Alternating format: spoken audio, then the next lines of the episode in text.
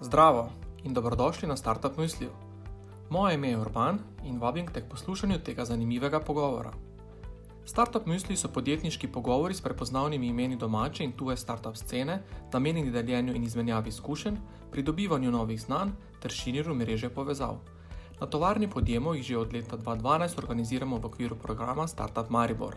Pa začnimo. Dobro dan in dobrodošli tukaj na drugem startup misliju v tem uh, jesenskem delu. Uh, danes imamo taki zanimiv naslov, ne, od ideje do pacijenta. Uh, z Jakobom in Urošom bomo govorili o tem, um, kaj nekako je prihodnost našega zdravstva in predvsem, uh, kako ideje uh, na področju zdravstva spraviti torej od ideje ne, do našega pacijenta. Skratka, uh, Zakaj sta to super primerna gosta za to debato, bom povedal malo kasneje. Um, prej pa še za tiste, ki nas ne poznate, na kratko naših, o nas kot organizatorjih. Skratka, Startup Misli uh, organiziramo v tovarni podjemov, ki imamo nekako več klobukov na naši glavi. Eno je, da smo podjetniški inkubator naše univerze in skrbimo za to, um, za podporo tistim, ki imajo ideje, da pri jih, uh, bistvu jih čim bolj učinkovito realizirajo. Uh, smo nosilci blagovne znamke Startup Maribor, uh, tako um, pod katero v, v našem mestu organiziramo različne podjetniške programe, pod katere spada tudi ta Startup Musli, pa potem nosilci vozlišča Startup Slovenija. En uh, škratek se je tukaj prikradil, če ga vidite, da vidimo, koliko ste pri stvari uh, Startup Slovenija, Startup Maribor. Um, skratka, smo nosilci Startup.si, osrednjega vozlišča za startupe v Sloveniji, platforme, um, newslettera in pa skupnosti. Uh, in pa vsako leto maja organiziramo našo predrago podin konferenco in v Maribor pripeljemo okrog tisoč uh, podjetniških zvesti cele Evrope ali pa celega sveta. Um, v našem portfelju um, je več kot 30 različnih podjetij, uh, iz različnih področji, v različnih fazah, tako da tudi vaše podjetje se lahko znajde med njimi, vkolikor potrebujete pomoč na kateri koli fazi, fazi razvoja vašega podjetniške ideje. Zdaj, naša ključna dodana vrednost je to, da v bistvu najbolj učinkovito z izkušnjami pripeljemo ideje v naslednjo razvojno fazo, bodi si to od ideje do podjetja ali to od uh, slovenskega trga do mednarodnega trga, od, do investitorja, kakorkoli, kjerkoli ste. Um, smo pa ena izmed pomembnih nalog naših, pa je med drugim tudi priskrbeti, eh, priskrbeti financiranje in pohvalimo se lahko številko, da kar 43% naših podjetij pridobi enega izmed virov zunanjega financiranja, s pomočjo katerega potem lažje pridejo do naslednje razvojne stopnje. Sicer pa poleg um, več kot 200 naših inkubiranih podjetij v zgodovini imamo programe mentoriranja, od poslovne ideje, globalne rasti, ekspertnega svetovanja, um, delavnic, start-up dogodkov, mreženskih dogodkov, uh, sodobnih poslovnih prostorov uh, in tako naprej. Vse storitve so za uh, vas kot upravičence brezplačne, saj jih financira um, torej Ministrstvo za MGTŠ, skozi agencijo Spirit, skozi program um, SIO oziroma Startup Konzorci. Tako da, vkolikor imate idejo, razmišljate o kakemu biznisu ali ste že v biznisu in se vam je nekje zataknilo, ste več kot dobrodošli, da se nam pridružite oziroma da nas poiščete, pokontaktirate uh, in da poiščemo, kje vas čevelj žuli in uh, vam pomagamo. Današnji pogovor bo posnet in se bo pridružil uh, startup, uh, startup Musli zbirki podcastov, v kateri je že več kot 75 zanimivih epizod na različne teme uh, z različnimi gosti. Za tiste, ki imate idejo, pa ste v fazi, ko razmišljate, ali je prava, ali jo je smiselno uresničiti, uh, bomo od, 22, od 20. do 22. oktobra organizirali Startup Weekend, kjer bomo dva dni za mentorji um, razmišljali, brainstormali, razvijali vašo podjetniško idejo. Teda, če ste v fazi, da jo imate, ali pa že nekaj mučkate na njej, um, pa ste se vam je nekaj zataknilo, več kot dobrodošli. Uh, še enkrat, udeležba je brezplačna. Za tiste uh, hardcore, mogoče malo bolj um, podjetnike, še posebej z strastjo do nekih uh, podatkov, konkretne podatke, ki jih zbirajo sateliti nad nami, pa vabimo v taki um, uh, zanimiv peskovnik uh, in sicer med 3. in 5. novembrom. kjer bomo s pomočjo um, Evropske vesoljske agencije dali v, vam na razpolago, da se igrate z podatki evropskih vesoljskih programov in z njimi ustvarjate rešitve za različne izzive, um, kot so recimo ukrepanje v primeru humanitarnih katastrof, zagotavljanje bolj varne hrane, zagotavljanju ali pa iskanju trajnostnih rešitev v energetiki. Skratka, en taki super hackathon, um, kjer je lanska, lanski zmagovalec, recimo ekipa Jolanda, s pomočjo satelitskih slik razvila sistem za zgodno detekcijo vlubadarja v velikih gozdovih. Tako da to so take zanimive rešitve, tako da če ne morete polnoči spati od uh, crazy idej, potem ste več kot dobrodošli na tem hackathonu. Evo, pa dovolj EPP-ja uh, za vse, kar se prihaja in se osredotočimo na to, uh, zakaj smo danes tukaj. Uh, in sicer uh, imamo dva zanimiva gosta. Uh, Uroš uh, je prvi, Uroš Taca, direktni solastnik podjetja Tuko. Um, Uroš, kaj povezuje, ta, povezuje tebe in medicino? Oh, um, se pravi, mene in medicino povezuje že od leta 1995, um, ko sem z, se pač uh, takrat, kot študent, prišel v organizacijo, ki je pač proizvajala um, medicinske pripomočke, predvsem profesionalne medicinske pripomočke za uporabo za fizioterapijo. Um, sem potem bil, seveda na začetku začneš um, pač servis in podobno. Um, Kmalo sem potem prišel kot asistent v razvoju uh, in od začetka leta 1998 naprej sem bil potem tam kot vodja razvoja, od um, spomladi 2001 pa še kot vodja kakovosti. Um, bili smo ena prvih firm, če ne so mogoče prva, nimam čistočnega podatka, no, ampak ker smo imeli CE oznako s številko priglašenega organa, se pravi CE um, certifikat za aktivne medicinske pripomočke, to smo dobili spomlad leta 2000 že. Uh -huh. um, od takrat naprej um, sem potem skozi pač, uh, od razvoja do kakovosti do leta 2013 ko pa sem šel in se zaposlil v svoji firmi, tako ena taka um, pravlična številka, petek 13. je bil, leta 2014 je bil 13. december, sem bil ta zadnjič v prejšnji službi in potem začel um, na svoje. Uh, zdaj pa v bistvu delujem še vedno um, na tem področju, kar se tiče um, Tuko organizacije, se pravi Tuko DO. Um, pač projekti na medicinskih, uh, se pravi, medicinski projekti za uh, recimo, medicinske pripomočke, uh, in pa tudi za tiste, kjer pač ni konflikt interesov, me tudi SEQ najema, se pravi, Slovenski inštitut za kakovost me najema kot uh, presojevalca. Tako smo tudi uh, z Jakobom uh, skupaj prišla, kdaj je leta 2014, mogoče že zelo nekaj časa nazaj. No. Uh, sem bil tudi um, presevalec pri njih, uh, zadnje dvakrat mogoče celo kot vodilni presevalec. Um, enkrat smo imeli še celo um, nadzora, ne? enih švedov, pa ne vem, kva so že bili od akreditacije slovenske. E, jakega je naredila uh, JAZMP? Ne, uh, slovenska akreditacija. Možno, pojma nimam. No, kako koli. V glavnem, uh, um, res je že dolgo nazaj. Um, um, tako da, uh, ja, in pa es, za SEK tudi izvajam kakšno usposabljanje, predvsem z področja medicinskih pripomočkov. Moj področje je vsekakor aktivni medicinski pripomočki, um, software, um, manj, ne toliko pa biokompatibilnost, pa sterilizacija. Uh -huh. okay. Cool.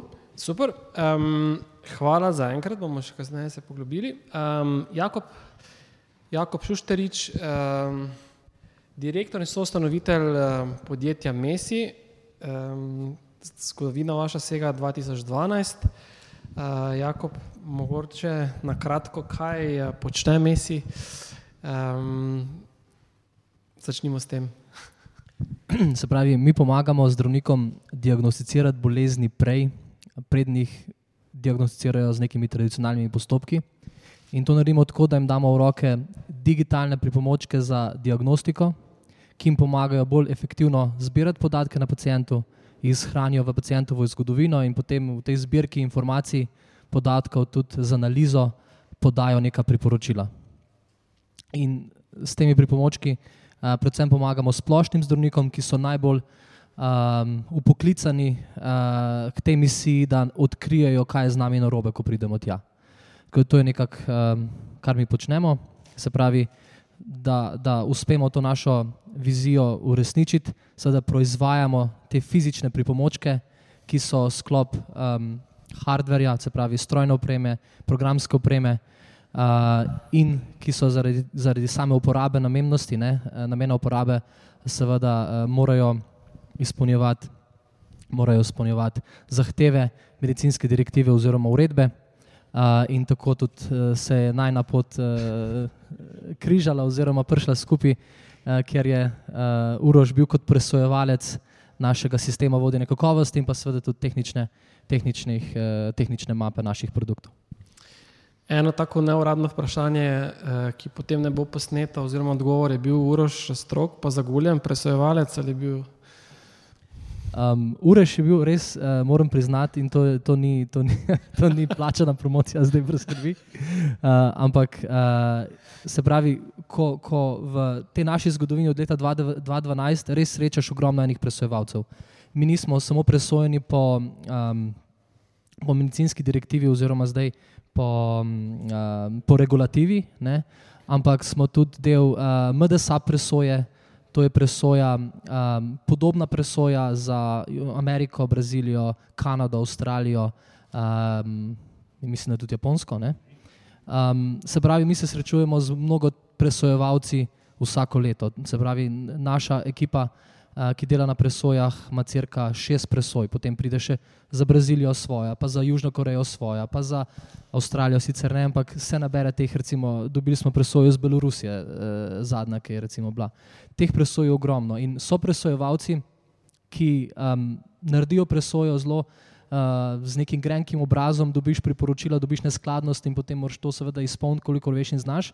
So pa presojevalci, kot je Uroš, ki pa zraven tudi svetujejo, se pravi, delujejo mentorsko, ti pomagajo izboljšati sistem vodenja kakovosti in to največ šteje pri izboljšavi organizacije. Mhm. Če dobiš priporočila, ki so zgolj, um, da nekaj ni narobe in, in, in uh, pika, ne, se težko izboljšaš. Če pa dobiš še priporočilo, kaj lahko narediš v smeri izboljšanja, je pa to zelo, zelo, zelo koristno. Aha, cool, super, uraš. Ja, nujno moram dodati, presevalci ne smemo uh, uh, svetovati. Mi, uh, bom rekel, na glas razmišljamo, kaj bi lahko uh, bilo smiselno narediti, uh, svetovati pa ne smemo, tako da nismo svetovali, uh, to je bila napačna interpretacija. cool, hvala za, to, uh, za ta tehnični popravek. Um, sicer pa. Um, Za, za vse, preden se zdaj poglobimo v debato, ki bo tekla ne samo zdaj tako zelo osko presoje, kot smo mogoče zdaj malo uh, nakazali, pa, pa se ogrevali z temi temami, ampak tudi na širše v bistvu, o izzivih v bistvu, razvoja medicinskih pripomočkov, na splošno o medicini in zdravstvu um, in kam recimo kaže, kam kažejo trendi v tej panogi, o IoT-ju, o umetni inteligenci, skratka, kar nekaj tem imamo tukaj, ampak ta debata je predvsem namenjena tudi vam, tako da jaz vas podbujam, da postavljate vprašanja um, uh, in uh, za naša gosta. Tako da uh, jaz imam kot vedno več kot dovolj vprašanj za dve uri debate, več pa vedno pa sem vesel tudi kakšne z vaše strani, tako da uh, dajte se opogumiti. Zato smo tam dalili vodo z nekaj dodatka skrivnega, da boste se omehčali in opogumili za vprašanja. Evo, um, edino toliko bi vas prosil, da vprašanja, da počakate, da jaz ponovim vaše vprašanje, da bomo tudi na podkastu imeli to vse skupaj posneto. Evo, um, Uro, uh, oziroma uh, Jakob, ne, preden začnem, uh, oziroma da začnem z prvim vprašanjem. 2012 ste, začeli, ste, ste začeli s podjetjem Messi, uh, bili ste tudi takoj finalist um, slovenskega startup leta. Pa vprašanje, ali si takrat 2012 um, v tvojem poslovnem načrtu uh, nekako predvidel, da boste danes tukaj, kje ste, oziroma kje, kje si se, zmo se zmotil kje so bila največja odstopanja? Definitivno takrat, leta 2012, ko smo začeli, sem definitivno vedel, da bomo nekje tle, ampak nisem si pa mislil, da bo to dolgo trajalo, da bomo do sem prišli.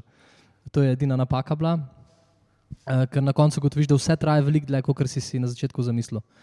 To je pa edina razlika. Mogoče še, še ena stvar, no, ki je dosti različna od uh, začetne predstave. Um, in to je, da sem si predstavljal, da bo vse bolj enostavno, kot je na koncu bilo. To je edina razlika. Okay. Pa bi rekel, da velja to pravilo, da vse traja drag, dvakrat dlje, kot si predvidel, pa je vse dvakrat draže, kot si predvidel. Je to preko palca? Ja, ja definitivno. Ja. okay, cool. Ampak še vedno nisi izgubil volje, uh, nič nimaš sivih las, tako da čestitke za, za to, za vztrajnost in za, za, za pozitivizem. Okay, um, uh, kakšna je verjetnost, ne, danes zjutraj sem bil na preiskavi geležnjskega indeksa, kakšna je verjetnost, da sem imel na nogi vaše manšete oziroma vaša naprava? Zelo velika verjetnost je, da, imel, da, da, da so priklopili naš merilnik geležnjskega indeksa, ker v Slovenijo si naši konkurenti ne upajo vstopiti ker smo že tako dominantni. Ampak težko se hvalimo z uspehom na slovenskem trgu, ker je le premajhen. Ne, slovenska podjetja morajo od, od prvega dne uh, začeti uh, gledati uh, prek meja, se pravi, iti v tujino, ker drugače jim zmanjka tega, tega zmanjka en strank. No? In mi smo tu knjižna. Um, Mi smo knjižnem, na tem knjižnem trgu, da, da, Slovenija, da Slovenija za nas šteje mogoče 3% naših prihodkov, uh mhm. -huh. pa smo tle najuspešnejši. Uh mhm. -huh. Ampak je bila že od vsega začetka taka celovita storitev digitalizacije podatkov pacijenta z mislijo na enega domačega, oziroma ja, domačega zdravnika oziroma osebnega zdravnika? Ne, sploh ne. Na začetku smo mi razvili samo torej, eno napravo, ki je bila namenjena rešiti en klinični problem in to je prej diagnosticirati zamašitev žil arterij v nogah. Se pravi, zelo simpel klinični problem, ki je imel zelo jasen, uh, no, zelo jasen problem, za katerega smo potem mi najdli to, to jasno rešitev. Ampak šele takrat, ko smo mi ta produkt začeli prodajati zdravnikom, smo, mi, smo mi dobili priložnost, da smo se od naših kupcev začeli učiti. Mi smo bili študenti na faksu, mi nismo imeli pojma, kaj zdravniki počnejo. Jaz nisem bil nikoli v življenju pri zdravniku. Kaj šele, da bi, da bi vedel, kakšni so njihovi problemi. In ta naš prvi merilnik je bil, je bilo, je bil naše prvo izkustvo um, procesov, zdravniki, um, um, v katerih so zdravniki uplet, upleteni, kako sodelujo z medicinsko sestro, um, kako oni um, svoje storitve zaračunavajo zavarovalnici. Vse to smo mi šele zvedeli potem, ko smo imeli za sabo vse proces razvoja, certifikacije in pa, in pa začetka nekih komercialnih aktivnosti. Ampak vse to obdobje, ko smo se mi od naših strank učili, smo se imeli, seveda imeli to srečo, da smo imeli res srečo s produktom, da, da so zdravniki radi kupovali naš produkt. Se pravi, nismo to kvez brcnili v temo, ampak vso znanje, ki smo ga takrat dobili, nam je pa pomagalo razviti produkt, ki je zdaj naš, uh, bi rekel, paradni kon in to pa je Messi M tablet, ki pa združuje res celovi, celovito tehnologijo, ki pomaga zdravniku delati stvari, diagnostiko, predvsem v krajšem času. Uh mhm. -huh. Mogoče še ta dodatek, ne res sta bila v bistvu za soustanoviteljem, mogoče študent, ampak imela sta pa v ekipi v bistvu izkušenega zdravnika, ne, kar je pa vseeno v bistvu se mi zdi, da pa pomemben nauk za tiste, ki se spuščajo na to vrstno zgodbo, da pa vseeno imajo v ekipi ali pa zelo blizu ekipe nekega izkušenega, bodi si zdravnika, bodi si strokovnjaka, ki je ne, iz področja. Mislim, brez tega zdravnika mi ne bi dobili te ideje, mi ne bi bili seznanjeni s tem problemom. Uh, tako da brez njega ne bi, bili, ne bi začeli delati na tem področju. Vred, mogoče bi začeli delati na nekem drugem področju, bi najdel nek drug problem, ampak sigurno pa ne bi bili v, v medicini. Uh -huh. cool. uh, Uroš, ti si, kot že rečeno, ne, od tistega, tistega uh, petka, petka 13. in še predtem, ne, si, dolgo si v, v panogi, pa na področju medicinskih pripomočkov. Um, lahko malo deliš z nami, kaj se je v, tem, v tej zgodovini, nekako na področju diagnostike, uh, naj, nekako najbolj spremenilo, predvsem v smislu tehnologije? Kje ti vidiš neke največje menike, uh, ki si jih ti doživel v, v tvoji, tvoji karieri? Ja, jaz sem reže toliko nazaj začel, da lahko rečem, da ko sem jaz prišel v to medicino, je softvera bilo res malo. Ne, se pravi, tam um, displeji, pa to so seveda že bili, ampak da bi ti naredil neko, neko profesionalno mašino v smislu, tako kot je uh, zdaj le od Mesija, to je bila znanstvena fantastika, to si gledal po televiziji. Ne, uh, pod, uh, science fiction. Um, se pravi, kompleten um, razvoj tako softvera, pripadajočega hardvera, kjer je softver lahko gor laufal, definitivno pripomore k splošnemu napredku tudi v medicini. Potem vedno boljši senzori, senzori, ki so plot nekih idej, ne, takih kot je že jako preko. Ne, se pravi, ti rabiš imeti idejo in potem že najdeš neko rešitev, ki boš, uh, boš um, to potem tehnično spelo. Se pravi, zelo težko bi zdaj tukaj um, omenjal kakšne, um, kakšne um, bom rekel, mejnike, ampak vidite, kako recimo potem zakonodaja in standardizacija lovi te stvari. Ne? Se pravi, prvič se je govorilo o softveru šele pravzaprav za res 2006. leta. Ne? 2006. leta se je pravzaprav za res začel o softveru v medicinskih pripomočkih uh -huh, uh -huh. govoriti. Kar regulacije. Ja, z vidika regulacije. Ne? Ker, vidite, ne, kaj, kaj ne, danes imamo vem, razne nanomaterijale. Ne? Nanomaterijali so prikazani tako, kot so bili recimo antibiotiki. Ne? Zdaj pa ne bo nikoli več noben bolan, ker smo antibiotike uh, najdeli in to seveda ni res. Tudi nanomaterijali um, niso čarobna palčka, ne? se pravi, bo se tukaj pokazali. Se pravi, težko bi izpostavil nekaj, ampak celoten Ampak že tu super, to, ta uvid, v bistvu več, torej več sen, vedno več senzorja, pa na drugi strani vedno več softvera, sta gotovo neki dve um, super sporednici oziroma super uvida. Po drugi strani me pa to zanima, ne, ali je bilo v medicini vedno prostora ali pa so imeli manjša zagonska podjetja vedno priložnost, kot jo imajo danes, ali je bilo pred 20 leti teže kot takemu manjšemu podjetju, kot je recimo Messi ali pa zagonskemu podjetju začeti v tej panogi. Veste, to, to je pa približno tako, kot govoriti, ali je boljš bil futbaler iz 50-ih let ali je bolj zdaj futbaler iz današnjega časa. V vsakem času je bilo nekaj težko in je neki bil izziv.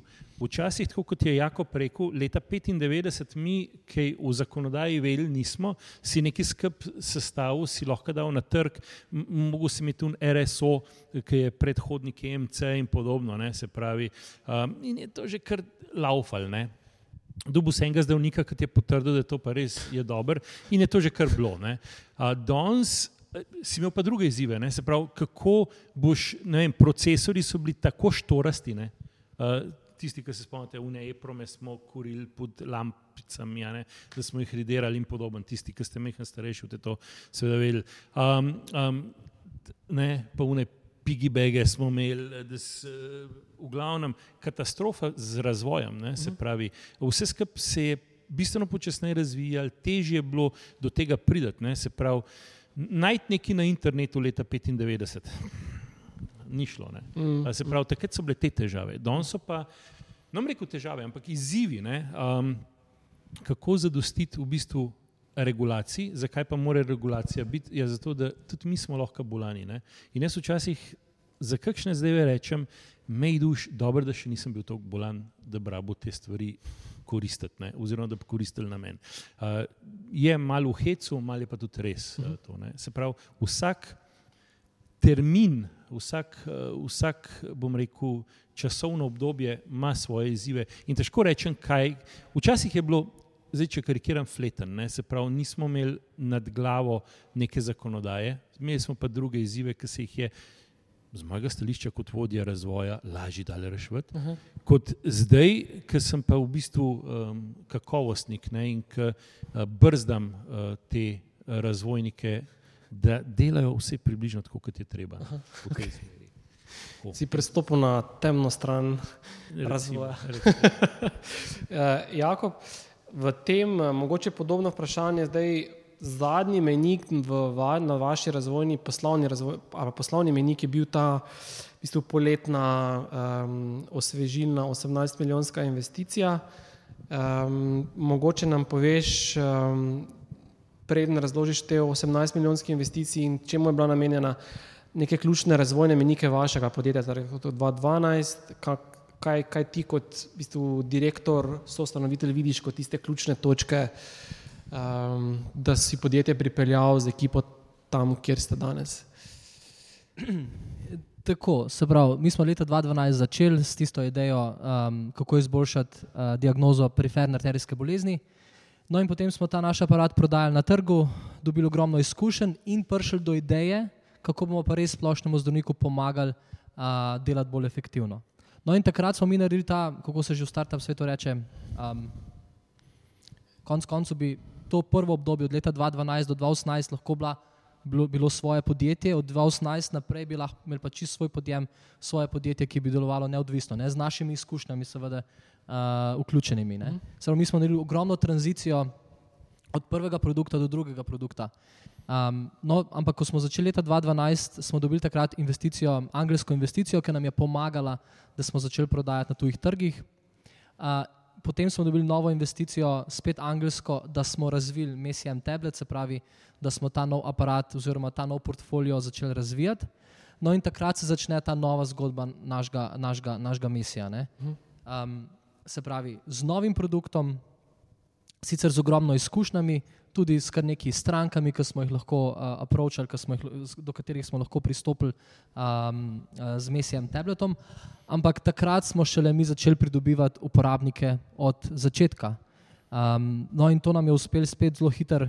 Um, zelo hitro nam je uspelo dokazati ta proof of concept narediti, se pravi, validirati produkt na trgu, in zato smo potem zdaj dobili to tako imenovano growth investicijo, ker smo imeli preizkušen produkt z kar nekaj uporabniki, seveda certificiran v Ameriki in v, torej v Evropi in v Ameriki, um, in z receptom, kako bomo ta naš Messiam tablet pripeljali v vse ambulante v Evropi in pa kasneje tudi v Ameriki. Uh mhm. -huh. In s tem receptom, ki smo ga tudi validirali, s katerim smo, torej smo pokazali, da, da če pa zdaj dobimo večjo investicijo, bomo ta denar lahko zelo dobro oplemenitili, tako da bomo ta recept praktično praktično scale-upali.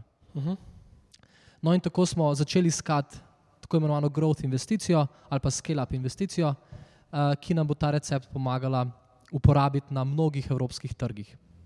Um, seveda, pri tem smo imeli um, ogromno težav in problemov, namreč za sabo smo imeli v tem procesu fundraisinga uh, na začetku takoj en velik fail, ker smo investirali ogromno časa v fundraising in na koncu um, failali, torej nismo dobili investicije. Uh, Medtem ko pa, no, potem smo pa seveda mogli spremeniti način um, um, naslavljanja investitorjev, um, spremeniti način prezentacije našega poslovnega modela.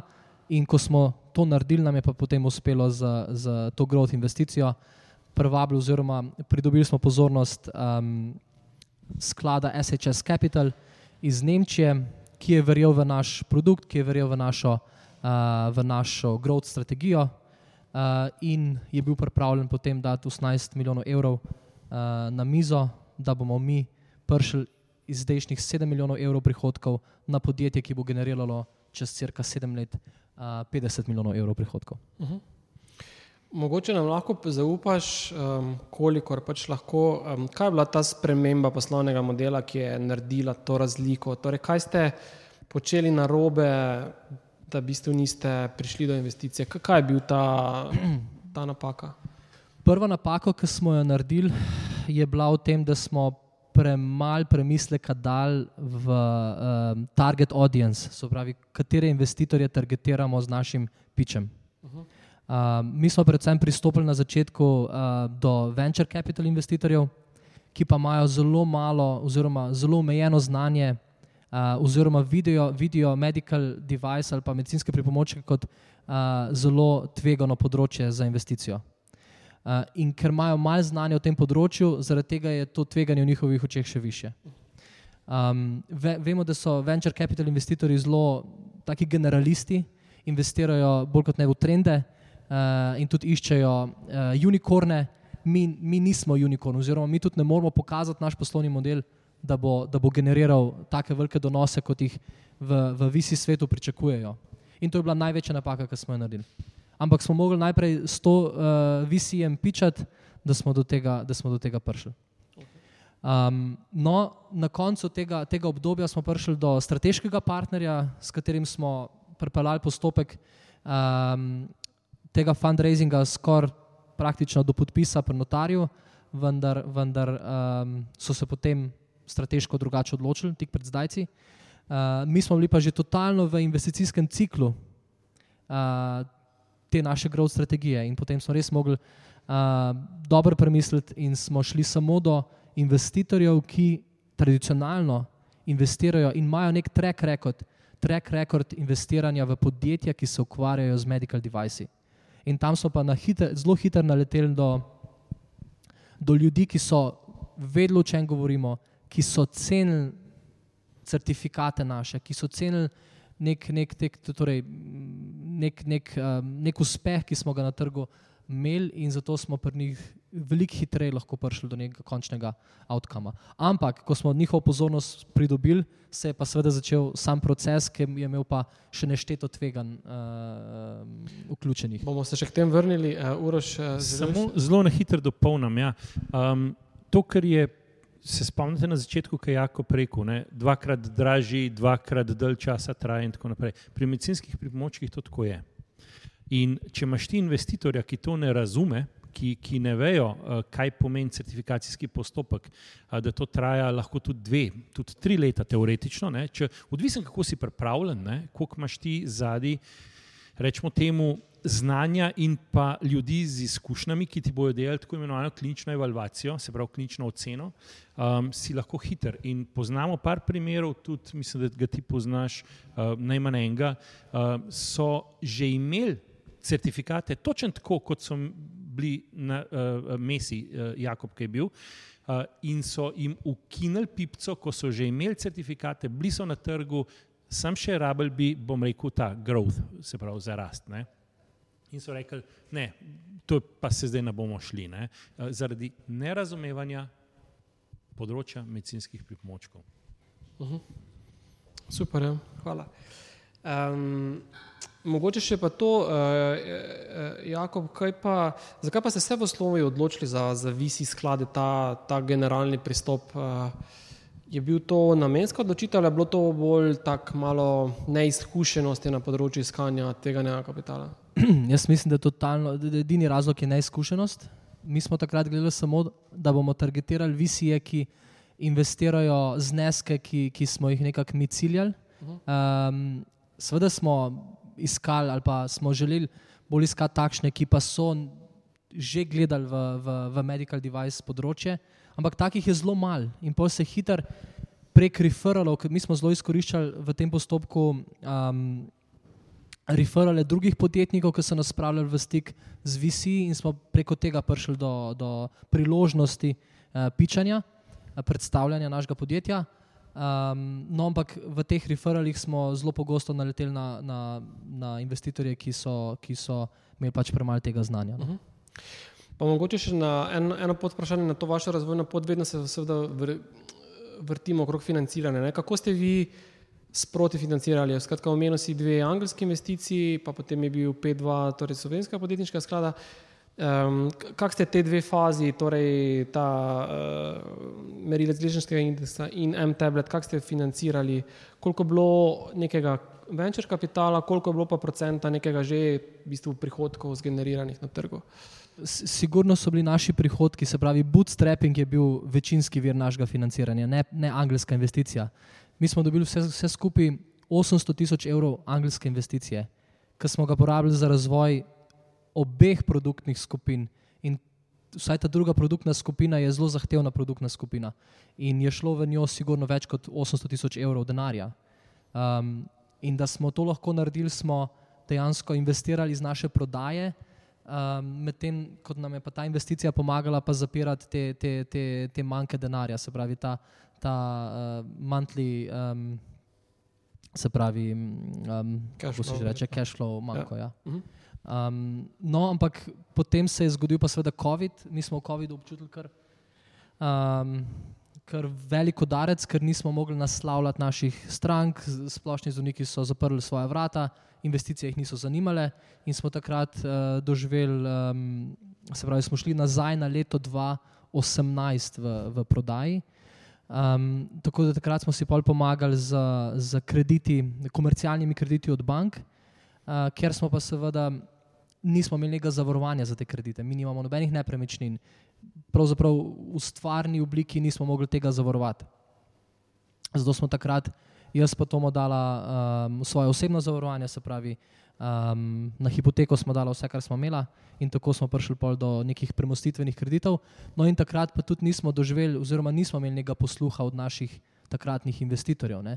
To moram povedati. Na koncu vedno nekdo, ki, ki ima idejo ali pa željo um, na trgu narediti nek premik, tisti mora tudi potem prevzeti to odgovornost. Investitorji jo bodo redko, ne, ker oni bodo tudi seveda gledali uh, svoje tveganja, ne iz oči začetka, ko so dali denar, ampak iz oči takratnega, tistega časa, ko, ko se neka nova tveganja pojavijo. Mm, mm. Zanimivo je, ja. um, ta, ta COVID je bil za vse. Samo da ponovim vprašanje, skratka, vstop v zdravstveni sistem, pa različni pristopi glede, glede na države. Um, Koliko koverc je dal pod mizo, da to najprej pove? uh, ja, um, mi, mi, mi, mi smo zelo netradicionalni, kar se tiče vstopa na trg. Mi verjamemo v um, v eno osnovno pravilo in to je, da moraš govoriti z neko kritično maso ljudi. In če govoriš s to kritično maso ljudi o svojem produktu, o svojem value propositionu, potem boš doživel nek uspeh in boš lahko prišel do closinga. Se pravi, vse je samo nek prodajni proces, ki mu moraš brez, brez kančka um, defokusa slediti. In tako je v Sloveniji, tako je tudi v Nemčiji, tako je tudi v Franciji. Mi smo vedno šli na trg kot, kot neki. Um, jaz vedno rad rečem, neumni um, osvajalci. Ne. Zapodili smo se, se tja z, z, z, um, z, tako kot včasih v, včasih, v, v časih kmečkih uporov, se pravi z motikom in z, in z grablami in smo šli napadati veliko vojsko. Ampak na ta način, gverilsko smo marsikaj dosegli. Uh, in ključ do naše prodaje je samo to, da smo potrkali na vrata dovolj velikega števila zdravnikov smo jim povedali za naš value preposition in potem sprot prilagajali naš value preposition in pa celo zgodbo, zakaj jih naslavljamo. Sveda je pa v Sloveniji čist drugače kot v Nemčiji in v Nemčiji čist drugače kot v Franciji in v Franciji je totalno drugače kot v Španiji. In se to se tako vseeno zelo poenostavljeno pa pravlično sliši, um, potrkati na vrata, um, vseeno tisti zdravniki so zaposleni ljudje, ne? verjetno je takšnih kot ste vi, veliko, ki jim nekaj prodajajo. Ne? Da je vseeno, kako si priboriti njihovo pozornost, kako, kakšne ste imeli, kakšne trike, recimo nekomu, nekomu, ki ima za nek nov razvoj, nek, neko nov pripomoček, kakšne so finte, da prideš do teh ljudi in do koliko, recimo, imaš neko številko približno, s kolikimi ste vi govorili, ne vem, Sloveniji ali pa kjerkoli, no, imaš kakšen podatek, da ste jih prepričali. Ja, prav za res, vsaj mi tako vidimo in mi to tudi, tudi ko živimo ni fint, v prodaji ni fint, v prodaji je samo ustrajnost. Ti moraš z dovolj velikim številom ljudi govoriti, da boš prišel do prvega closinga. In potem moraš biti zelo pozoren v procesu uh, closanja nekega, nekega, nekega posla ali pa neke prodaje, da razmišljaš o tem, da boš closing naredil. Ne moreš samo čakati, potem, ko si nekomu nekaj predstavil na, na Alelujo. In v Sloveniji, ko smo mi začeli leta 2013 prodajati, ali pa leta 2012, uh, eh, je naš Marko naredil 500 klicev, prednji je dobil prvi obisk pred zdravnikom. In tako se je začel. In ko je dobil tisti obisk pred zdravnikom, se je naučil, da pa je nek interes v Sloveniji, ker poznajo stare metode diagnosticiranja. In smo potem tiste argumente uporabili pri 300 novih klicih. In nismo več rabili 500 klicev za, za drugi obisk, ampak smo jih samo 300 porabili. No, zdaj porabimo 10 klicev, da dobimo obisk. Ampak to je nek, nek, nek, nek, neka pot, ki jo mora vsako podjetje prehoditi. Ker če dobi nek recept od začetka, ne bo nikoli vedela, ne bo to podjetje ali pa ta skupina ljudi nikoli vedela, kaj vse je bilo potrebno narediti, da si ti prišel do, do tega piča. Ti, mi zdaj znamo naš pič spremeniti, mi znamo naš klic adaptirati do tega, da pridemo na konec do obiska. In jaz mislim, da je to tisto ključno znanje ali pa ta ustrajnost, ki ga večina ljudi na konc koncu nima in zaradi tega prehiter vrže to puško v koruzo. Mhm. Če samo mečkam še dopolnim. Um, zdravniki so tako kot vsi ostali ljudje, ne, um, čim manj bi delali. Ne, um, in tukaj je tako, vsako zadevo, ki jo hočeš novo predstaviti, oni te prvi vidijo, kako bojo mogli več zdaj za to delati. Ne. In tukaj je en od pristopov, ki sem videl vsej pri nekaj od teh mojih uh, pač strank, ki jih imam. uh, je ta pristop uh, prihranka na času ne, in da ga ti ne boš s tem dodatno obremenil. Ker oni hoče samo to videti, da bo on manj obremenjen. Ker zdravnik eksplicitno on ne bo iztošla splačeval. To je prva zdaj, druga zdaj pa je, te informacije morajo potem priti do odločevalcev. S tistim, kar si ti govoril, največkrat ni, ni, ni vedno tako, ampak največkrat ni odločevalc. Ne. Odločevalci so lahko gor nekateri, ki sploh mogoče, zdaj če karikiram z realnostjo, nimajo um, veze. Ne. Tako da tukaj um, verjamem, da je individualen pristop in je odvisen, kaj prodajaš. Ne. Ampak, če smem dodati, seveda so principi, ki ti pomagajo priti hitreje do, do tvojega cilja. Najprej treba zelo dober market research narediti.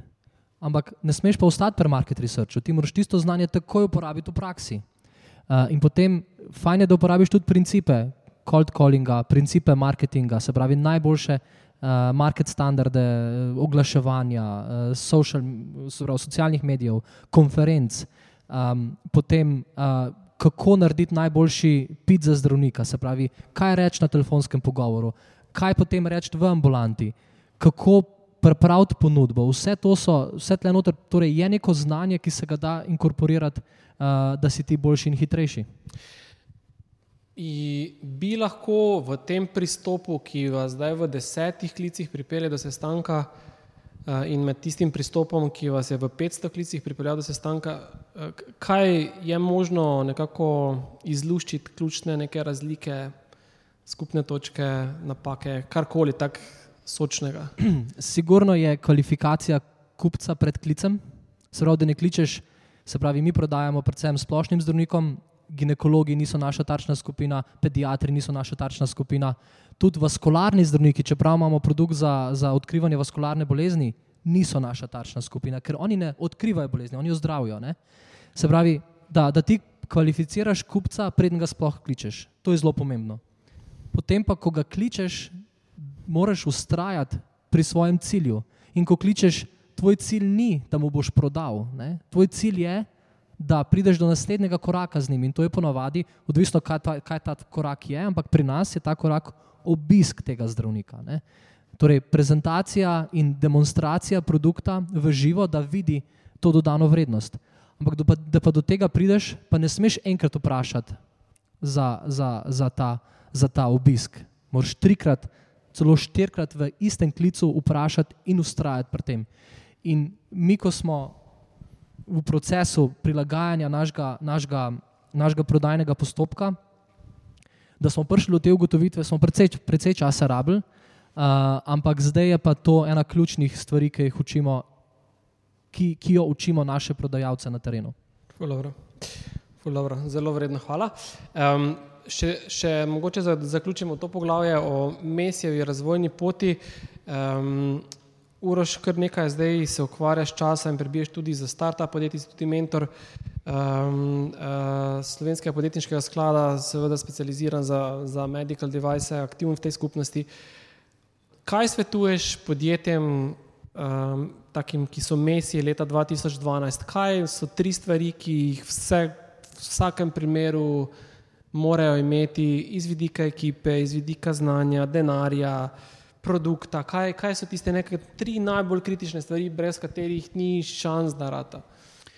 Se pravi, čisto na začetku ta pravi mindset postaviti, se pravi razmišljanje in sicer kaj pomeni, kaj je izhod iz razvoja. Izhod iz razvoja ni prototip, ni izdelek, ne? to je kolateralna škoda. Se pravi, to je tisto, kar pravzaprav moraš narediti, ne?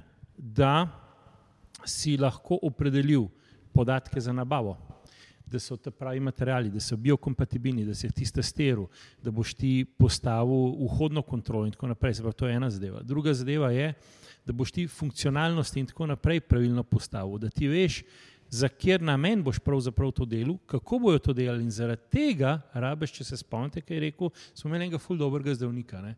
To je spet, ne? se pravi, ideja, ki jo ti kot um, nek, bom rekel, ne specialist z področja lahko imaš, ne, um, je lahko zavajujoče in lahko zgrešiš v samem, uh, bom rekel, temu skopu, ne, se pravi, namenu uh, uporabe. Ne. Um, se pravi, to moraš imeti res, res razčiščen. Se pravi, to je prva zadeva. Druga zadeva, poznati moraš zakonodajo. Se pravi, kam boš s svojim izdelkom padel. Boš padel med medicinske pripomočke ali ne. Če padeš med medicinske pripomočke, imaš takoj eno od dveh zakonodaj trenutno veljavnih in sicer ali je to in vitro diagnostika ali je to so medicinski pripomočki na splošno. ne. Se pravi, tukaj se moraš in glede na to imaš potem spet um, tako imenovan aneks ena, pa ne bomo zdaj to komplicirali, se pravi, imaš tam prav zahteve, se pravi, imaš recimo za medicinsko uh, regulativo, imaš 23 eksplicitnih zahtev, ki jih mora izpolnjevati medicinski pripomoček. ne.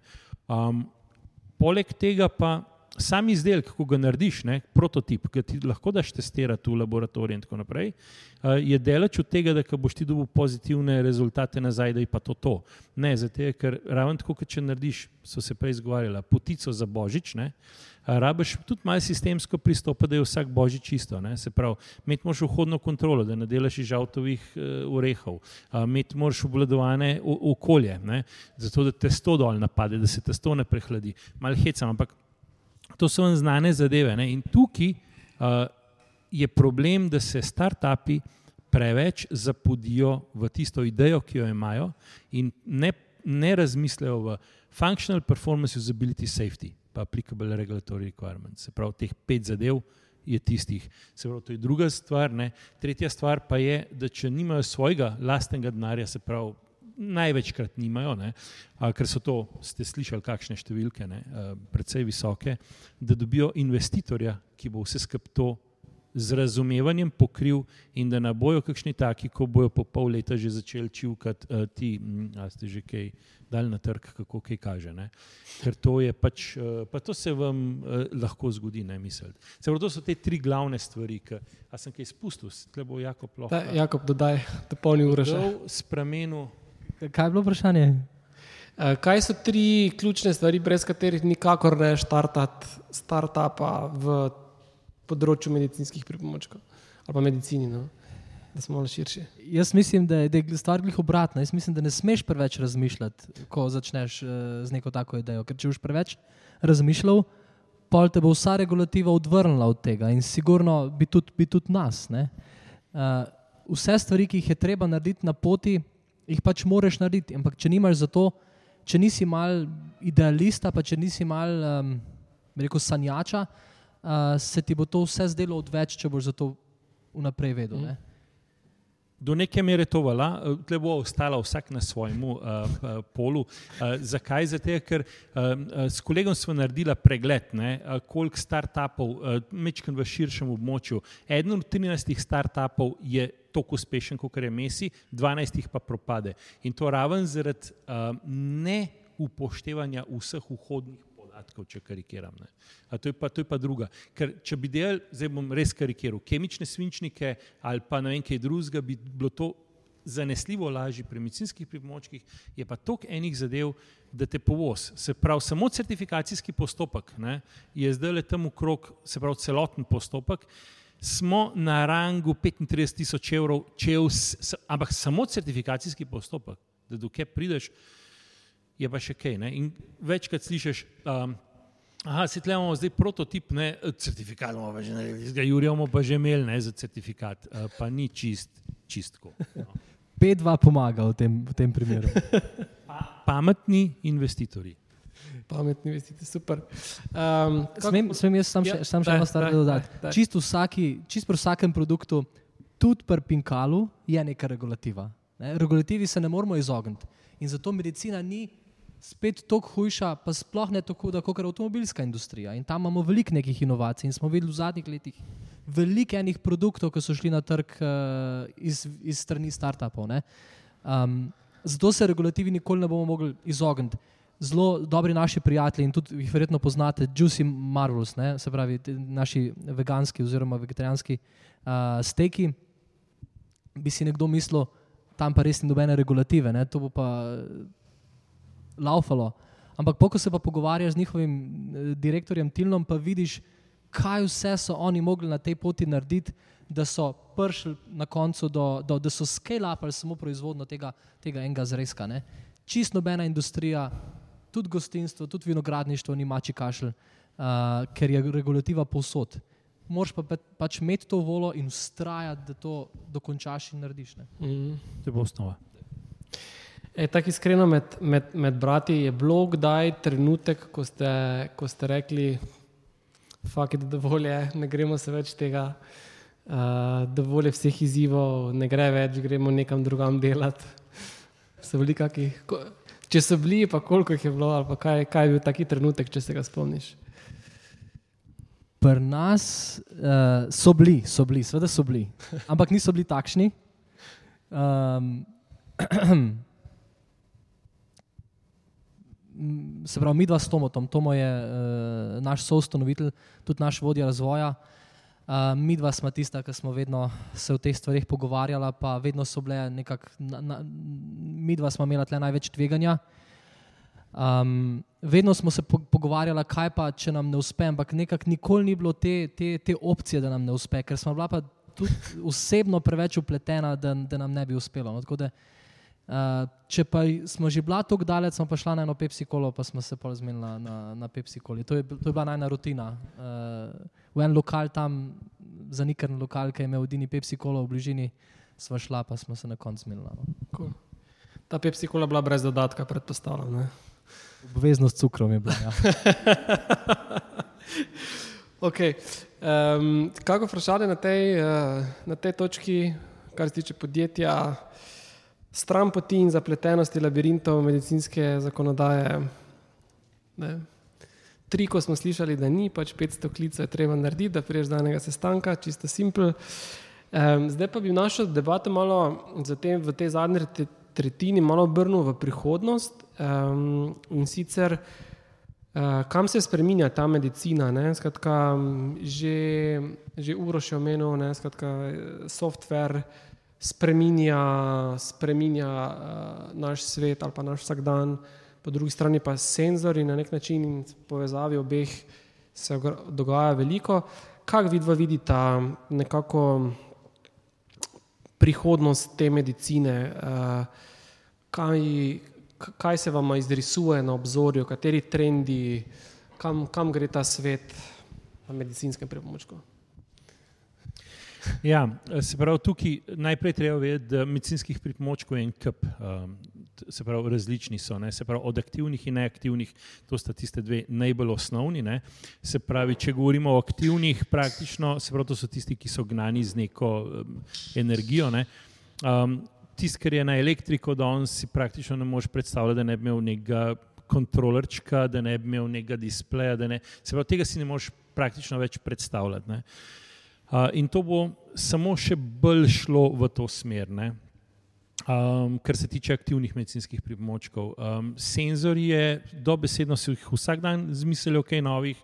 Um, zdaj je pa res, ne, se pravi, kje je hakalc tukaj? Se pravi, ko ti dobiš um, neko idejo in ko boš se ti spravil nekaj delati, ne, je izredno pomemben razumeti, zakaj kaj, kaj je namen, se pravi, kaj boš targetiral, kjero indikacijo, oziroma kaj pravzaprav uh, se boš spravil delati. Na tej podlagi um, boš lahko urejal podatke in jih vrednotil. Ne? Se pravi, gleženski indeks, bre, se pravi, če ti dobiš tam neke cifre, ven, ne pomenijo totalno nič. Se pravi, to so totalno neke random cifre, če jih ti ne znaš urediti in interpretirati na nek način. In tukaj je največji izziv, ne, se pravi, ko tudi verjetno sama a, medicinska stroka ne bo sledila takmu napredku, da bi znali a, vrednotiti neke podatke. Se pravi, tukaj, tukaj vidim en hakelc. Kar se tiče teh aktivnih in tako, ne, da ne govorimo o softveru, se, zdaj imaš praktično za vse aplikacijo. Ne, in tudi, paste, aplikacije so lahko zdaj uh, razred 3 po novem medicinski pripomoček, recimo en tak primer je preračunavanje inzulina, koliko si boš inzulina špricno. Um, če ti recimo napak uh, um, zračuna, da si ti mogoče naredil umestnik, usability, se pravi uporabnost, napačno, ne? se pravi, si pojedel dva kosa kruha, vtipkaš dva, pa si po nesreč dvakrat tipknil 22 kosov kruha in da nimaš nekih uno, foreseeable misuse, uh, boš za 22 kosov kruha si zračunal inzulina in je to verjetno ena zadnjih zadev, ki si jih naredil v življenju, se pravi, zaključil zgodbo o uspehu. Uh, se pravi, uh, se zastopimo, uh, kje, ka, kakšni hakalci so vse in zaradi tega je to razred tri medicinskega pripomočka. Um, um, pa je to samo to, da ne boš na roke preračunaval, koliko si boš inzulina špricnil. Uh, tako da tukaj je izzivov, je, no, da ne govorimo o oblaki, potem servis zraven softvera, ker verjeten je tudi nekdaj cilj. Zdaj ne poznam več toliko v detajle, ker nisem več toliko povezan. Um, um, bom rekel, z njihovo firmo, se pravi, verjete nek servis, nek klicen center, se pravi, en je ovešen z vsemi temi senzori, se mu bo ne vem, neki zgodil, ga že doktor klicu ti, um, ne, tole pa tole bo treba narediti. Recimo, to so ene od stvari, to, to, to poznamo že pri starostnikih, ne, bolj kot ne in tako. Se pravi, to je siguren ena od smeri, drugače pa smeri je toliko, da si jih danes pa ne moremo zamisliti. Ne moremo Kaj bi bila ena inovacija, recimo, ali pa produkt ali pa storitev, tehnologije, karkoli, ki tebe v zadnjem obdobju tako vrgla narediti? Kaj te je najbolj fasciniralo, ko si rekel, wow, to pa je. No, je cool. Mislim, to ima vsak eh, svojo percepcijo. No, to, to, to je tist, zanima. Recimo, men, kako se recimo lahko zverajo pri ritmični gimnastiki, meni to fascinira, eh, malo heca, ampak eh, različno imamo. Se pravi, um, tiste zadeve, ko recimo z matičnimi celicami, ko separiraš matične celice iz špeha, dobesedno iz flama, um, um, pač jih uh, predsediš uh, prek aktivnih filtrov in dobiš avtotransfuzijo svojih matičnih celic. Recimo, ne vem, um, potekajo raziskave, sicer nimam čistočnih podatkov, naj bi bile uspešne, ne vem, nimam podatkov. Recimo, infarkt, srčni infarkt. Um, um, mišica odmre, dobiš matične celice ubrizgane v mišico, srčno in dejansko um, se matične celice zdiferencirajo nazaj v mišico. Um, to, poznanje, predvsem je poznan zdaj le za tele uh, hrustance in podobno. Uh, problem je spet zloraba, nepravilna uporaba in potem očrnjenje uh, terapije, zato ker delajo to po domačela bajzeri. Ne? Se pravi, ti rabiš v kolenu najprej uh, geometrijo zrihtati in tako naprej, da ti, uh, če se tavče, če, če se skladom tavčeš po prstu in ješ tablete proti bolečinam, ti samo um, bom rekel, posledico odpravljaš in ne vzroka. Vzrok je treba odpraviti, zbrizgaš uh, matične celice in potem to dela. Ne? Se pravi, matične celice, se pravi, ta del zdaj le pri medicinskih pripomočkih se meni zdi najbolj tako uno. Um, ful potencijala. Uh -huh. Ful potencijala. Ful Jakob, kaj pa tebe navdušuje? Se pravi, zelo v trendu, tudi kar se tiče investicij in fundinga, je zdaj generative AI. Ne? In to se tudi v medicini zelo, um, zelo, zelo, zelo množično uh, prihajajo nove ideje na plan. Uh, in to področje je ta trenutek brez neke dobre regulative. Uh, tam bo nek clinical decision making, uh, decision support tool, ki bi pomagal zdravniku narediti neko, neko odločitev, ampak v zadnje je pa brez uh, neke regulative. Ampak pustimo to. Tle je velika priložnost, da lahko z sorazmerno nizkim vložkom, um, še posebej, ker so urodja uh, na voljo, lahko prideš do nekega dobrega, dobrega produkta ali pa dobre rešitve, če imaš zbirko podatkov v zadnji. Um, tako da tle je en tak velik trend, ki se dogaja in nove rešitve zelo hitro prihajajo na trg. Uh, to je na eni strani, na drugi strani, seveda, obdelava podatkov, ne nujno uh, z uporabo um, generative AI tehnologij, je tudi uporaba podatkov, ker s preprostimi algoritmi, uh, z nekim machine learningom lahko ogromno naredimo. Um, ampak seveda, treba je biti blizu podatkov. Uh, ogromno vlad po Evropi že te podatke, podatkovne baze odpira na vzven, zato bo tle kar hiter, eh, mnogo rešitev eh, verjetno, verjetno nastalo. No? Uh -huh. um, in tudi jaz vidim prihodnost, našo prihodnost in mi gremo v tej smeri, da podatke, ki jih mi zbiramo, tudi vračamo nazaj v obliki uh, razumljivih informacij za zdravnika, ki mu bodo pomagale pri tem, tem, uh, pri tem odločevanju oziroma pri odločitvah za pacijenta. Vse to me zanima, recimo, ker vi vseeno ne toliko naprav, kot imate vi v bistvu na terenu, toliko naprav te naprave generirajo toliko in toliko meritev. Skratka, vi ste blizu podatkov. Zdaj, um, kje vidite zdaj tukaj neki naslednji korak, ali, bote, ali bo Messi od neki device company postal, ne vem, data company, ali še niste, bo še tu kak korak vmes, ali kako vidiš, malo si sicer že nakazal, ampak eh, kako vidiš to smer? Ja, naš naslednji korak je, uh, da, da smo uh, decision support urodje za zdravnika. Zdaj, da se odmikamo stran od merjenja EKG-ja, pa merjenja zamašen, zamašenosti žil, pa merjenja spirometrije, da, da se to naredi po defaultu in da to naredi medicinska sestra, medtem ko pa mi zdravniku svetujemo, uh, kaj naj s temi podatki, mislim, kako naj te podatke interpretira, glede na celotno zgodovino tega pacijenta. Uh, glede na, glede na um, glede na, glede na uh, torej, pravi, družinsko zgodovino, glede na ne vem, neke trende, ki so ta trenutek v tej državi. In tako naprej. No. V to, to smer gremo mi s temi podatki. Se pravi, da bomo na nekem mikronivoju, ko bo pacijent ležal pri njem na preiskovalni mizi, bili sposobni dati zdravniku nek nasvet. Uh -huh. Ampak to se tako zelo vizionarsko sliši. Ma ta vaš načrt kako bolj opredeljeno časovnico ali je to zelo taka neka dolgoročna vizija, ki še nima neke nalepke za, za, let, za letnico? Mi smo že v, uh, zdaj v, v tesni fazi uh, tega našega novega interfejsa, če mu tako rečem, pa algoritma, ki bo um, to to, to dal uh, temu zdravniku, da moramo iti čez certifikacijski postopek. Eh, to, to, le, to boste že zrihtali. To je le, to je le medicinski pripomoček. Um, ampak uh, mi planiramo launch tega, tega urodja uh, nekje v drugi polovici naslednjega leta. Aha, to je tako blizu že. Cool. Fascinantno. In kako pa konkretno, zdaj to, to si mi kar v bistvu s tem uh, eh, 22 krosi kruha si mi kar uh, dal misliti, kako preprečiti to, recimo, ker tudi konec koncev vaša manšeto lahko namestiš na robe, pa bo ta gleženski indeks drugače kazal ali pa ne.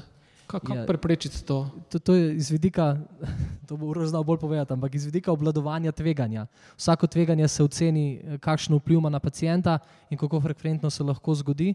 Uh, in iz tega se zračuna tisto celovito tveganje, ki če je, ki če je, ki če je prehudo, je treba neke ukrepe izvesti, da do takšnega tveganja ne pride. In to je, mislim, to je medicinski pripomoček mora imeti to oceno tveganja zraven od začetka načrtovanja in pa do konca. Mhm. Pa bi se vseh sam mečken vrnil do um, in, umetne inteligence, pa do machine learninga. Uh, ja, res je, hakelc uh, pri tem je um, validacija. Se pravi, tako kot se, ne vem, kirurg uči, ne, uh, Um, Raven tako se um, um, recimo machine learning uči in machine learning zaenkrat neposredno v medicinskih pripomočkih ni dovoljen. Um, ampak je treba pač neko validacijo delati. Se pravi, kar se tiče umetne inteligence, pa je možen uh, pri tem, da je treba pač validirati baze podatkov. Ne? Se pravi, baze podatkov morajo biti ustrezne.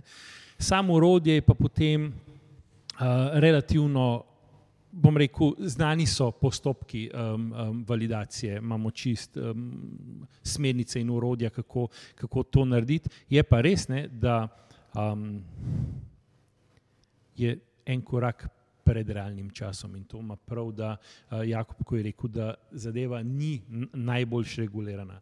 Uh, kar se tiče pa um, uh, tega um, tveganja in to, kar je že Jakob načel, ja, um, se pravi, celoten, se pravi, rečemo tako, da lahko medicinski pripomoček postaviš na trg in da ga bojo prepoznali kot primernega, moraš uspeti dokazati ugodno razmerje med varnostjo in učinkovitostjo. In tukaj zdaj govorimo, različni medicinski pripomočki imajo te zadeve različne. Ne? Če gledate, ne vem, defibrilator, boste imeli odstotek neuspešnih defibrilacij relativno visok lahko ne? in bo veliko ljudi umrl lahko um, kot neuspešna reanimacija in podobno in bo to še zmer se zastopno, kaj hočem reči. Ne? Po drugi strani, če bi pa ne vem, vsak stoti umrl, kot da je flajšter na žulgor, ne? Mm, bi pa mal težje dokazali razmerje ugodno med varnostjo in učinkovitostjo. In vse se dela v tej smeri. prej smo malo govorili o biokompatibilnosti, tisti, ki niste tako not, mogoče ne veste, kaj to pomeni. Električna varnost, uh, po sterilizaciji, uh, uh, interpretacija podatkov imate lahko. Imate potem vem, tveganja iz softvera ven. Um, um, in imate vi, se pravi, 23 točk področji imate, ki jih morate pregledati. In en izmed teh se mu reče tudi tako imenovan usability oziroma uporabnost po slovenski. Usability je pokriva en standard oziroma več standardov, ampak osnovni standard je, ki se mu reče EN 62 366 minus 1. Um, potem imate še več teh in tudi za aktivne medicinske primočke še zraven in tako naprej. Ampak uh, ta pa govori o tem, da morate vi imeti vse use scenarije, se pravi, use scenarijo. Uh, za vse te use scenarije morate imeti foreseeable misuse. Jaz zdaj govorim o angleščini, ker pač tega standarda v slovenščini ni in ne vem, kako bi si to zdaj sprot zmišljal pa prevajal. Uh, in zdaj, ko vi um, uh, imate recimo več uporabnikov, recimo en izmed vaših um, um, članov, oziroma ki je tudi pri vas, ima tako, ne, da bo zdravnik začel z neko terapijo, tudi pri njih lahko, recimo, pa če dobiš potem za domov. Imáš ti userja, ki je profesional user, zdravnik, boš imel ti userja, ki bo um, um, nek lole bole, lahko malo karikiram, se pravi, je to lahko komaj pismen človek, lahko je doktor znanosti iz uh, področja, da ne zna niti žarence zamenjati in bojo tudi iz tega lahko tveganja ven prišla. Se pravi, vse te stvari morate vi pri usabilityju, kdo bo uporabljal, na kakšen način, kje bo uporabljal.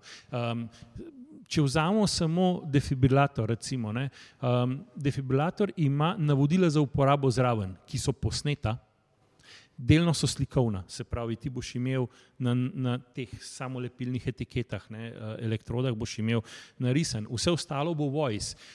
Ta ima vem, 120 ali 125 decibelov. Zakaj? Če se ti to naredi ne vem, v nekem centru, trgovskem, ki ti sto ljudi zraven stopa, vsak neki cvil, žena bo tam cvilila, otroci okal, se pravi, je, more biti, se pravi, temu primerno ta usability, se pravi, vse, vsi vplivi, ki te lahko zmotijo, ki te lahko, se pravi, komplet case use scenarij morajo biti popisani in iz tega ven um, možen, se pravi, foreseeable misuse. Seveda si ti ne moreš zmisliti, kaj vse gre lahko narobe. Zato je potem tako imenovan post-market surveillance, poprodajno spremljanje, kjer boste vi dobili kakšne podatke in potem ne moreš več reči, da ni foreseeable misuse, če je nekdo to naredil. Ne? In to potem, seveda, eh, dokumentacija potem raste. Ne? In potem, eh, če kupite huskvarno, ne, boste imeli noter eh, motorno žago huskvarna, imate v navodilih noter, da ne ustavljate verige z genitalijami. To je definitivno mogel nekdo narediti, če se je to pojavilo v navodilih, ker mislim, tega pač not ne boš dal drugače. A se zastopimo, kaj hočem reči. Um, in to je proces tako imenovanega usability, ki je povezan s tveganji, potem jih moš oceniti, tveganja morajo biti spremljiva. Če imate nespremljivo tveganje, da je tveganje previsoko, moš delati mitigacijo, se pravi zmanjševanje tveganja. Vsako zmanjševanje more biti, uh, more biti um, um, pač verificirano, da je pač učinkovito. Uh -huh. To je pa spet naslednja zadeva.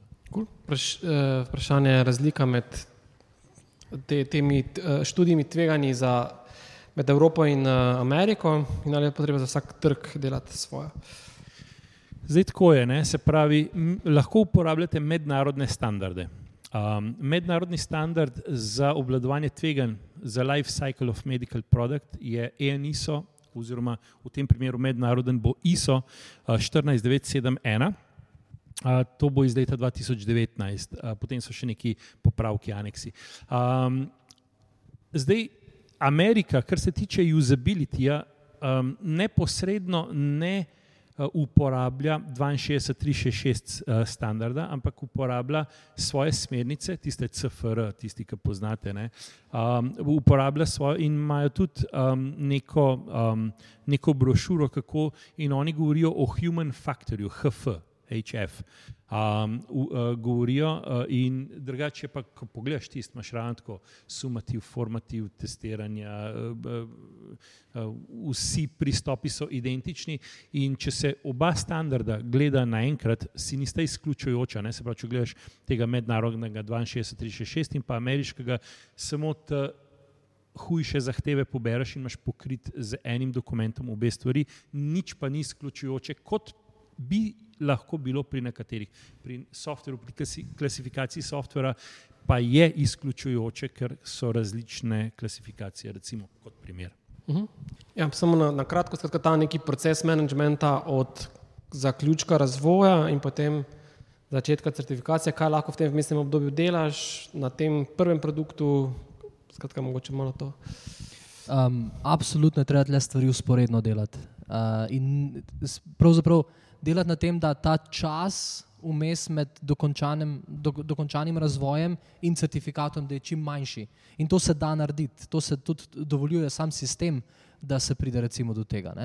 Um, mogoče največji problem je pri, pri prvi certifikaciji sistema vodenja kakovosti, ker rabiš ti dve certifikacijski presoji, če se ne motim. Ne? Ampak ni, ni tako huda zadeva. V glavnem, um, ko, ko se začne in dela na razvoju, je fajn takoj že od začetka poznati zahteve uh, regulative in pa standardov, uh, da že prvo dokumentacijo in sploh razvoj vodiš po nekem pravilnem postopku. Um, in ko si prišel do konca razvoja, je fajn, da imaš čim prej prototip pripravljen, ki še ni dokončni device, ampak nek prototip, ki ga že lahko daš v laboratorij, kjer se ga potestira po, po, po se pravi, um, safety standardih, ne, uh, se pravi, elektromagnetni kompatibilnosti in tako naprej. Tako, in to se da narediti že s prototipom. In ker ne rabiš imeti že mogoče uh, končno tiskanino, ker ne rabiš imeti že uh, totalno končen softver. Mi ponovadi naredimo nek preliminaren software release, ki je namenjen samo testiranju v teh laboratorijih. Vmes um, pa razvijamo potem uh, torej končen softver, ki ga pa, ki ga pa, ki ga pa releasamo potem noter v, mislim, ki gre pa potem za prvi release ven. Uh, se pravi, čim bolj si je treba tisti tist umesen, umesen čas vakuma uh, skrajšati. Ne? Ampak ta uradna certifikacija, ko potem dobiš ti končni certifikat, pa se lahko začne šele takrat, ko imaš ti final produkt. Ja. Bi mogoče to jaz, ki pa lih iz mojega foha. Um, se pravi, um, takole je. Um, ti greš lahko v certifikacijski postopek za medicinski pripomoček takrat, kadar imaš zbrane objektivne dokaze. Beri, da imaš končno uh, verzijo tehnične mape. Kaj v tehnični mapi je, Um, če imate možnost pisati, oziroma boste poj poslušali, imate v uredbi v aneksu 2. Se pravi, kaj mora tehnična mapa imeti, je aneks 2 in pa aneks 3 o poprodajnem spremljanju, ki mora biti tudi v tehnični mapi, ampak pustimo zdaj ta del. Se pravi, aneks 2 od uredb, kjer je kol, ali je to um, za in vitro ali je navadne medicinske primočki, govori, katere uh, in kako naj bi ti dokazi bili um, predstavljeni, se pravi v tehnični mapi. To, kar je Jakob govoril, pomeni pridobivanje dokazov o skladnosti medicinskega pripomočka, ki bo del tehnične mape. Zato sem jaz rekel, da je izhod iz razvoja pravzaprav tehnična mapa. Ne?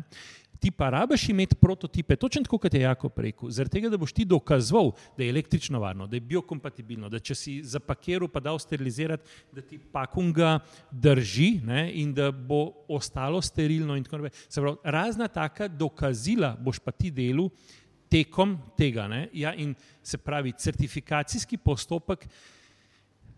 Ko se pa pregleduje tehnična mapa, takrat je pa tako. Ja, v tistem modelu lahko še kaj spremenjate, sicer odsvetujem, zato ker bojo mogli biti vsaka tako imenovana uh, uh, uh, bistvena sprememba, mora biti potrjena strani priglašenega organa. Se pravi, tudi pri Jakobu, če bojo menjali recimo vem, material za uh, ventuzo, ne, se pravi tole, ki bojo pač uh, um, um, za napihvat, ne manšeto, ne ventuzo, pardon, manšeto, uh, bojo mogli dati v pregled na uh, priglašen organ za spremembo. Ne? Se zastopimo.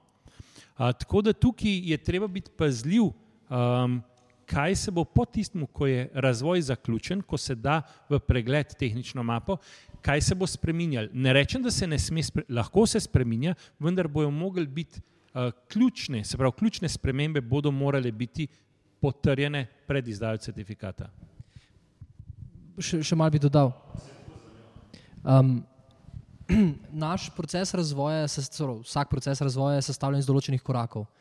Ponovadi se, ne ponovadi, pri nas, pri nas se začne s študijo izvedljivosti, se, potem se nadaljuje vhodne zahteve, potem v sam razvoj in na koncu, kot rezultat razvoja, sta tako imenovana tehnična mapa in pa produkt. In ta produkt je že končen, ta produkt ima že urodja za sabo, ta produkt ima že uh, gerbere za sabo, torej naročilnice konc koncev in tako dalje. Ampak v tem procesu je pa fajn že imeti ta prototip, s katerim vse te dokaze, ki so del tehnične mape, dejansko lahko, lahko narediš, pridobiš. In zato v, v, v samem začetku razvoja, v tako imenovani študiji izvedljivosti, pri nas že naredimo prototip.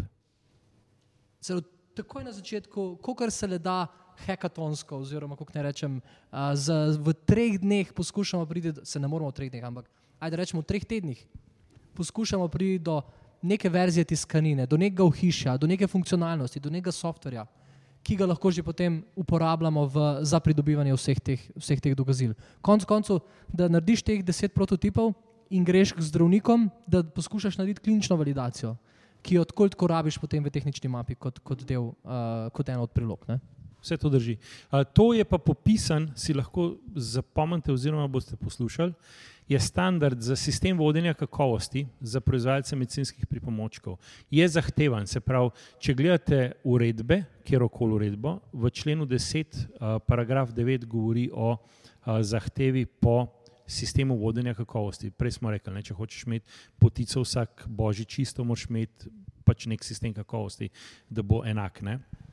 Um, in um, kot dober urodje se uporablja standard ENISO 13485, trenutno iz 2016 leta, pa um, A11, se pravi dodatek iz 2021.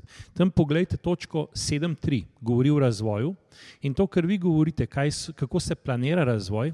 To, kar je jako razlagal, kje uh, koraki so, je v 732. V 733 je, kaj so vhodi v razvoj. In če ste ga prej dobro poslušali, je rekel, ne, tudi tveganja preliminarna tveganja so vhodi v razvoj. A zakaj? Zato, ker boste vi že mitigacijske, tiste, ki boste zmanjševali tveganja, že vključili v initial razvoj. Kaj so izhodi iz razvoja, imate v 734. Potem pa ena ključna zadeva, če delaš s prototipi. Jaz sicer rajš govorim o funkcionalnih modelih, to so tisti, kjer preverjate, ali je neki ali ni neki, prototipe pa tista zadeva že, ki bi lahko tako bilo, če nam bojo potrdili, če karikiram. Um, in je razlika, funkcionalni model je ponovadi kakšna rožica, pušeljci in podobno na mizi ne? In moš merkati, kje, kje primežete na strese. Uh, prototipe pa že tako, bom rekel to, kar je Jakob razlagal, ko daš nekam v teste. Uh, in ključna zadeva pri tem, ko boste vi iz razvoja prenesli v proizvodno, je pa točka 738 o tem, kjer govori, um, kdaj se razvoj zaključi in kdaj je v bistvu štarta proizvodna. In proizvodna se štarta takrat, kadar ste vi ob prenosu razvoja v proizvodno potrdili vso dokumentacijo, da je izvedljiva, se pravi na tak način. Če ste vi rekli, da je 5000 kosov na minuto ven padlo, mora 5000 kosov na minuto ven pst skladnih, uh, s tistim izmetom, ki je pač predviden. Ne? In tako naprej. To zdaj sam kot primer. Ne? In točka 7.3 od 13.485 standarda. Vrhunsko. Skratka, od 7.2 do 7.8 uh, je, je od začetka do konca. Ne, ne, od začetka do konca je od 7.1 uh, pravzaprav do 7.30. 7.30 govori pa še to, da morate imeti kompleten razvoj popisan, uh, kompletno kronologijo, ker to pa zdaj po novem gledamo uh, med presojami, predvsem na lokaciji. Um, kronološko, kako je razvoj potekal. Zakaj? Ne? Ko prideš ti kot presojalec v firmo in ki ti rečejo, ja, mi smo pa naredili razvoj, trajajo dve let. Um, Aha, ok, lahko malo vidim. In vse, kar so zaplanirali, je bilo sprve narejen, in nič niso rabili popraviti. Ambene spremembe niso delali, vse je bilo. Uno, so vse na oči, so vse radostnice. E, ni čistko, se pravi, to tako ne laufa. Uh, in tukaj bi pričakoval kakšne spremembe, se pravi, vhodna sprememba, ne? neki more zdržati, ne vem, tok Newtonov, pa ni zdržal tok Newtonov, pa je to, neki bi se mogli to greti, pa se več greje, pa je bilo treba nekaj drugače narediti. Pa ste mislili, da bo to 20 gramov, pa je na koncu 24 gramov prišlo. In kdo si zdaj to zmišljal, kdo more to zdaj potrjevati, če vam je kupec rekel, da mora biti 20 gramov, pa ste naredili 24 gramov, validacija ne bo šla skozi. Se stopimo? In to mora biti vse sledljivo, in to zdaj ponovim, od ene 2017-2018 presojalci gledamo na presojah. Da... Pazite se. Cool. Um, še zadnjo vprašanje dam uh, na voljo vam, uh, preden zaključimo, se še vam je kaj utrnilo, kakšna misel, kakšno vprašanje. Uh, preden, uh, formalno debato predstavimo za, za šank in nadaljujemo bolj neformalno. Skratka, še enkrat vprašanje, do kakšne kompleksnosti produktov smo sposobni v Sloveniji certifik, certificirati. Um, se pravi, tako je. Uh, v Sloveniji je priglašen organ SEQ, se pravi Slovenski inštitut za kakovost, um, in ta ima pač določen obseg, za kar je priglašen. Um, vi pa lahko kot proizvajalec medicinskih pripomočkov izberete katerkoli priglašen organ, ima priglašeno tisto področje, katerega boste uh, um, uh, presojali. SEQ nima lih za implantate, se pravi, implantatov ne more, lahko pa recimo srčne defibrilatorje. Um, pač stvar je, uh, kakšen kakšno, kakšne eksperte ima določen priglašen organ zadnji. SEQ, tisti, ki ga kaj poznate, veste, da je bolj na meritvah, na električni varnosti, na MC-ju in tako, se pravi, bolj na elektromehanskih in tudi uh, scope, se pravi, obseg uh, SEQ-ja gre v to smer. Jasen, uh, lahko tudi neke flajštre, pa neke povoje in to še lahko, uh, tudi sterilizacije in tako naprej ima, vendar um, je tukaj precej omejen. Se pravi, implantatov slovenski priglašen organ ne more narediti, lahko pa, lahko pa uh, izberete kjerkoli drugega, ne vem, TIFSUD ali pa. Uh mhm. -huh. Pač Nando, da, Nando database, se pravi Nando baza podatkov, pove, kje je priglašen organ. Jaz bi dodal to, da imamo v Sloveniji neverjetno srečo, da imamo priglašen organ, ki je v Nando bazi. Uh, se pravi, na začetku te nove medicinske regulative, uh, ko, ko, so se, se, ko so se ti eksterni izvajalci teh pregledov, torej priglašeni organi, uh, so, ko so se še mogli, kaj so mogli, torej so se mogli priglasiti. priglasiti ne, uh, je zelo malo teh podjetij bilo to sposobno narediti. In naš slovenski inštitut je imel uh, ogromno se pravi, ogromno vnemo, da je prišel do te priglasitve in se upisal v Nando bazi. Se pravi, mi imamo neverjetno srečo, da imamo, eh, da imamo SIK v Sloveniji in da ga imamo tako blizu, da lahko z njim delamo. Ne. Sta pa tle tudi dve, dve različne stvari. Eno je certifikacijska presoja, a, ki ima svoj skop, drugo so pa potem a, laboratorijski testi po različnih a, torej, safety in performance standardih, ki jih je treba izpolniti, ki imajo pa totalno različne skope spet. Ne? In, in SEQ je sposoben ogromno teh, uh, teh, teh, teh testiranj narediti in izdati uh, teh test reportov in tudi zelo so prilagodljivi. Če vidijo, da je potreba na trgu za nek certifikat, ki ga še oni niso uh, bili sposobni prej narediti, uh, ga pogledajo in zelo hitro pridejo do tega, da, da, da postanejo um, torej akreditirani. Partner, akreditiran partner, ki potem to lahko preveri in, in testira. Če sam, če sam razložim, pa bo poj nadaljeval, se pravi, SEQ nastopa kot certifikacijski organ, priglašen organ, pa akreditacijski laboratorij, akreditiran laboratorij. Se pravi, te tri zadeve, se pravi, ne smemo pa mešati, ko govorimo o CE certifikatu, je to priglašen organ. Ko govorimo o certifikatu po 13485, govorimo za sistem vodenja kakovosti, govorimo o certifikacijskem organu, ki je lega špenta spet SEQ. In pa to, kar je jako preko, če daš vem, na 6601 testirati, se pravi Basic Electrical Safety za, elektri, za uh, električne medicinske pripomočke, je pa to akreditiran laboratorij, ki je v CB schemi uh, in je mednarodno priznan, ne vem, povsod, na kitajskem, ne, čist povsod, se pravi, povsod. In vi, vi sicer lahko g, najamete kitajski akreditiran laboratorij, pa vam v te teste naredil mogoče za, za desetino cene, ne za, za to ne bo, ker so zakrat tudi oni podražili, ampak za, za 80% cene pa verjetno bo to naredil. Um, ampak ga boste imeli eh, toliko dlje in ne boste mogli komunicirati. Mi se pa zmerno ne esikujo, da pridemo popovdne, ko so načeloma laboratoriji zaprti, pa lahko se potem tam mali gramo, pa tvikamo, pa, pa spročke programiramo in naredimo. Um, da, da stvari hitreje speljemo. Mhm. Ker SEQ nudi uh, storitev najema laboratorija. Ja. Mhm. Ej, vrhunsko, gospoda, hvala lepa za ta uh, dragocene informacije. Jaz sem zvedel veliko. Uh, en aplaus, prosim.